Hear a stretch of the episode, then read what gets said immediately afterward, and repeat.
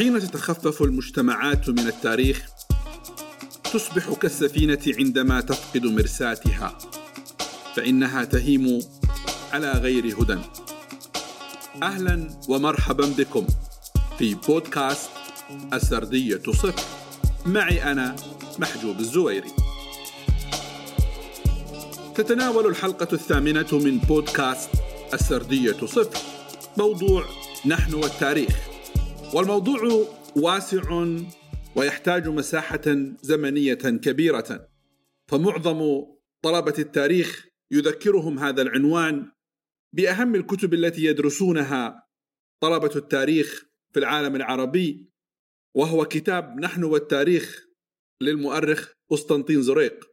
والكتاب الذي كتب في عام 1959 يعد من أهم الكتب التي يدرسها طلبة التاريخ خاصة في مرحلة البكالوريوس. ولكن هذه الحلقة لن تذهب إلى ما ذهب إليه قسطنطين زريق من التفاصيل الكثيرة. وسنقف عند بعض القضايا التي يعتقد راوي السردية أن من المهم أن نشاركها مع كل الناس وليس مع المتخصصين. فكثيرا ما كنا نسأل عن ما هو التاريخ. والتاريخ بعد كل هذه السنوات من القراءات وبلغات متعددة هو نحن هو الإنسان. هو ذلك الفعل الذي يقوم به الإنسان وهو الفعل الذي قام به في الماضي. فهو أفعالنا. هذه الأفعال التي قام بها الإنسان عبر عصور وأزمنة مختلفة. فالتاريخ لا يمكن أن يكون تاريخا إلا إذا قام به الإنسان في حيز مكاني وضمن حيز زمني. والحيز الزمني قد يكون ثانية أو دقيقة أو ساعة أو يوما أو شهرا أو سنة أو العديد من كل ذلك. ولذلك لا يمكن الحديث عن تاريخ إلا بوجود إنسان وبوجود الفعل الإنساني. ولذلك عندما يتحدث الناس عن التاريخ يتناسون أنهم جوهره سره المكنون. بغير الإنسان لا يصبح الحديث عن التاريخ ولا يمكن أن يكون هناك تاريخ. ولذلك كل النقاشات التي جرت في ثقافات متعددة لم تكن قادرة على إسقاط قضية أساسية وهي مسؤولية الإنسان في الفعل التاريخي. ومن هنا تأتي أهمية علم التاريخ ومن هنا تأتي خطورته في ذات الوقت. لأنه يتعلق بالإنسان ولأنه يتعلق بذاك الفعل الذي يقوم به الإنسان ولأن الإنسان مختلف في طباعه وفي مزاجه وفي تصرفاته فالفعل التاريخي أيضا مختلف كذلك. من هنا تبدو مساحة كبيرة للنقاش حول هذا الفعل وتقييمه والموقف منه ووضعه في سياقات صحيحة من وجهة نظر كل طرف في محاولة لفهمه. هناك جملة من القضايا عندما يتم طرح موضوع التاريخ تطرح غير فهم المفهوم في حد ذاته. فعلى سبيل المثال مسألة الكتابة التاريخ كتابة التاريخ من يكتب التاريخ؟ ولمن يكتب التاريخ؟ وما هي المفردات التي يجب أن تكتب في التاريخ؟ وهل يكون هنالك انتقائية في التاريخ؟ وما ضرر الانتقائية في التاريخ؟ كلها أسئلة يواجهها من يكتبون ذلك التاريخ وهم المؤرخون. وليس بالضرورة أن يكونوا مؤرخين محترفين. فهناك كثيرون من لم يكونوا مؤرخين لكنهم رأوا في ذلك الفعل الذي جرى في الماضي. أهمية كبيرة فجلسوا يدرسونه ويمحصون فيه ويحاولون فهمه ويريدون تقديمه للناس. فالكتابة التاريخية هي محاولة لتقديم ذلك الماضي إلى الناس، إلى القارئ، مهما كان هذا القارئ من حيث الثقافة ومن حيث التعليم. وهذا التقديم لما حصل في الماضي لا يمكن أن يكون بعيدا عن ما يسمى الفهم والإدراك الخاص لما حصل.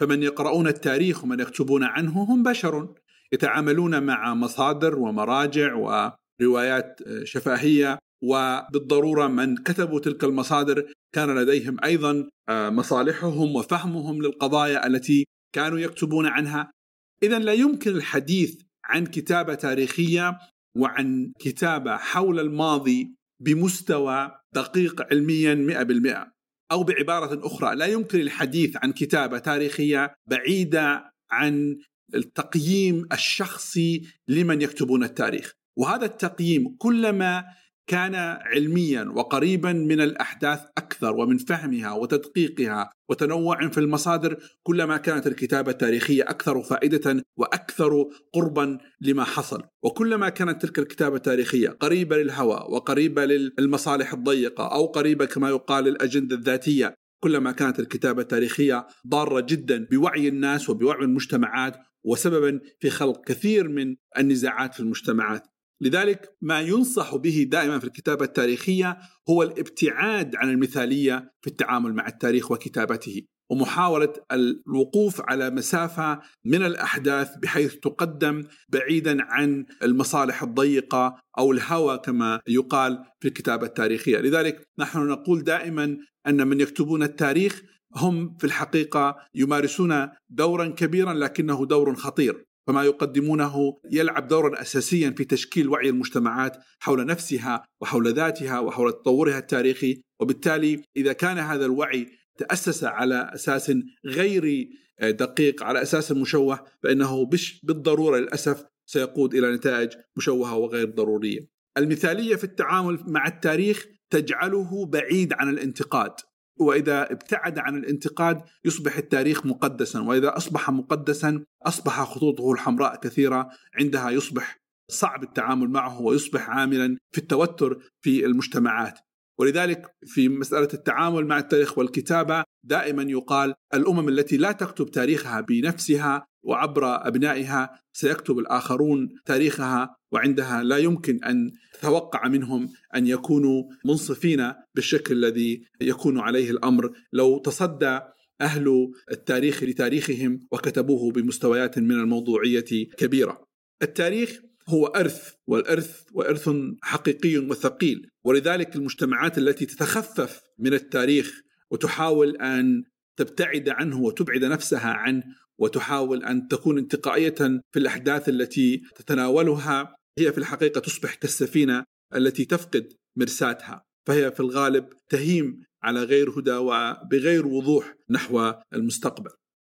البعد الثالث في التاريخ والذي يجدر دائما التذكير فيه خاصة في تطورات الدولة الحديثة منذ القرن التاسع عشر هو أن التاريخ أصبح مكون أساسي للهوية الوطنية في المجتمعات المجتمعات الأوروبية الولايات المتحدة الصين كل هذه الدول في أفريقيا في أوروبا التاريخ إحدى المكونات الأساسية لتشكيل الهوية الوطنية. والهوية الوطنية لا يمكن أن تبنى دون خلق مساحة تاريخية يلتقي عليها الناس في المجتمع بحيث تصبح جزءا مهما من ذاكرتهم الجمعية. ولذلك كل الدول عبر العالم بلا استثناء يشكل التاريخ جزءا مهما من تشكيل هويتها الوطنية آه، وجامع أساسي للوحدة الوطنية في تلك المجتمعات، ولذلك هو علم جد مهم وجد خطير، ولذلك المجتمعات تعني بأن يكون لديها سردية واحدة حول تاريخها ما أمكن، تحاول أن أن أن تكون هذه السردية منسجمة، لا تفرق، تحاول أن تخلق عوامل انسجام بين الناس، وهنا تلعب اللغة دورا، يلعب الدين دورا، آه، تلعب مفاهيم الحضارة، التي تشكلت في مواقف كثيرة دورا مهما واساسيا كلها قضايا تلعب دورا اساسيا مع التاريخ في تشكيل الهويه الوطنية. لذلك المجتمعات لا يمكنها أن تتنصل من التاريخ رغم كل عوامل المدنية التي أوجدها البشر في السنوات منذ القرن التاسع عشر آه، والتي جعلته أكثر مدنية مقارنة بالماضي. ومع ذلك التاريخ لا زال يشكل حضورا ويفرض بصمته على تلك المجتمعات بأن عليها أن تعتني به وتهتم به. لذلك آه، تجد في غالبية الدول في العالم هنالك مجامع وهناك مؤسسات تعنى بكتابة التاريخ في تلك الدول في محاولة آه، لخلق سردية تعبر عن المجتمع إلى حد ما وحتى تعبر عن اختلافاته بشكل والتي تعترف فيها بعض المجتمعات بأنها اختلافات صحية تحدث ولا يمكن أن تؤدي إلى انقسام في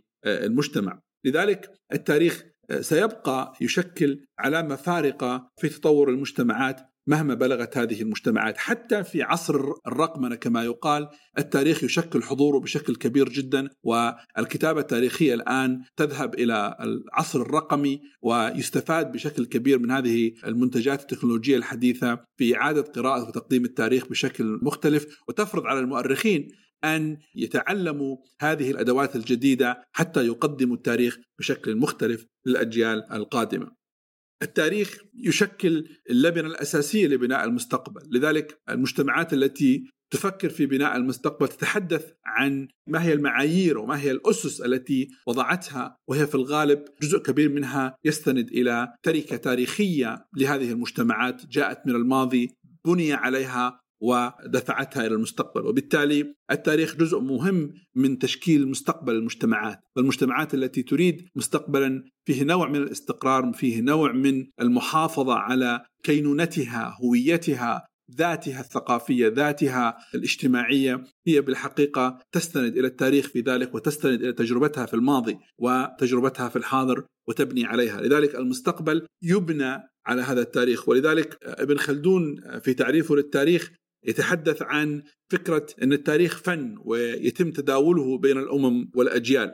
صحيح هو يقول بأنه عبارة عن أخبار ومعلومات عن الدول والمجتمعات السابقة لكنه يؤكد على أن هذا على أن في باطن هذا التاريخ هناك تحقيق وتعليل ومعرفة للمبادئ الدقيقة وكيفية وقوع الأحداث والأسباب العميقة لها وهذا يعتقد أنه أصيل وأنه جدير أن يعد من العلوم الأساسية. ولذلك المجتمعات التي تنظر للمستقبل لا تتنصل من تاريخها وهناك تجارب كثيرة في العالم يمكن النظر لها والاهتمام بها.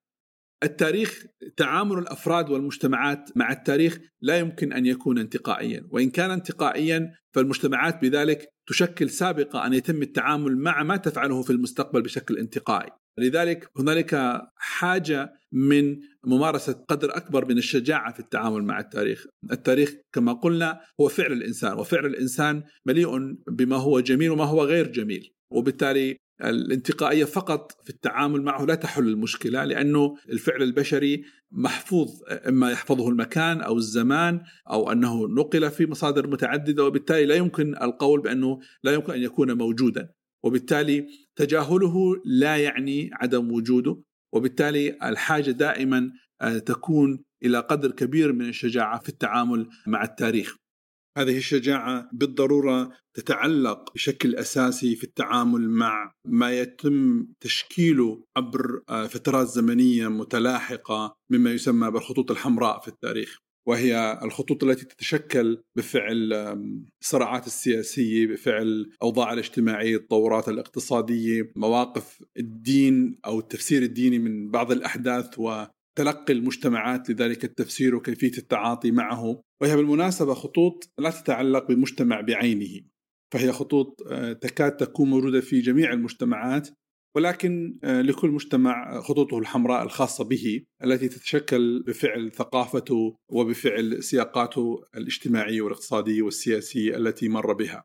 لذلك المؤرخون مطالبون بقدر كبير من الموضوعية وبمسافة من الأحداث عند تقديمها حتى يكون هنالك درجة أعلى من المصداقية ودرجة أعلى من الموضوعية وكذلك مساعدة المجتمعات في تفهم ذلك الماضي ومحاولة البناء عليه وليس العكس أي لعنه ومحاولة الانقلاب عليه ورفضه وبالتالي التخلي عنه.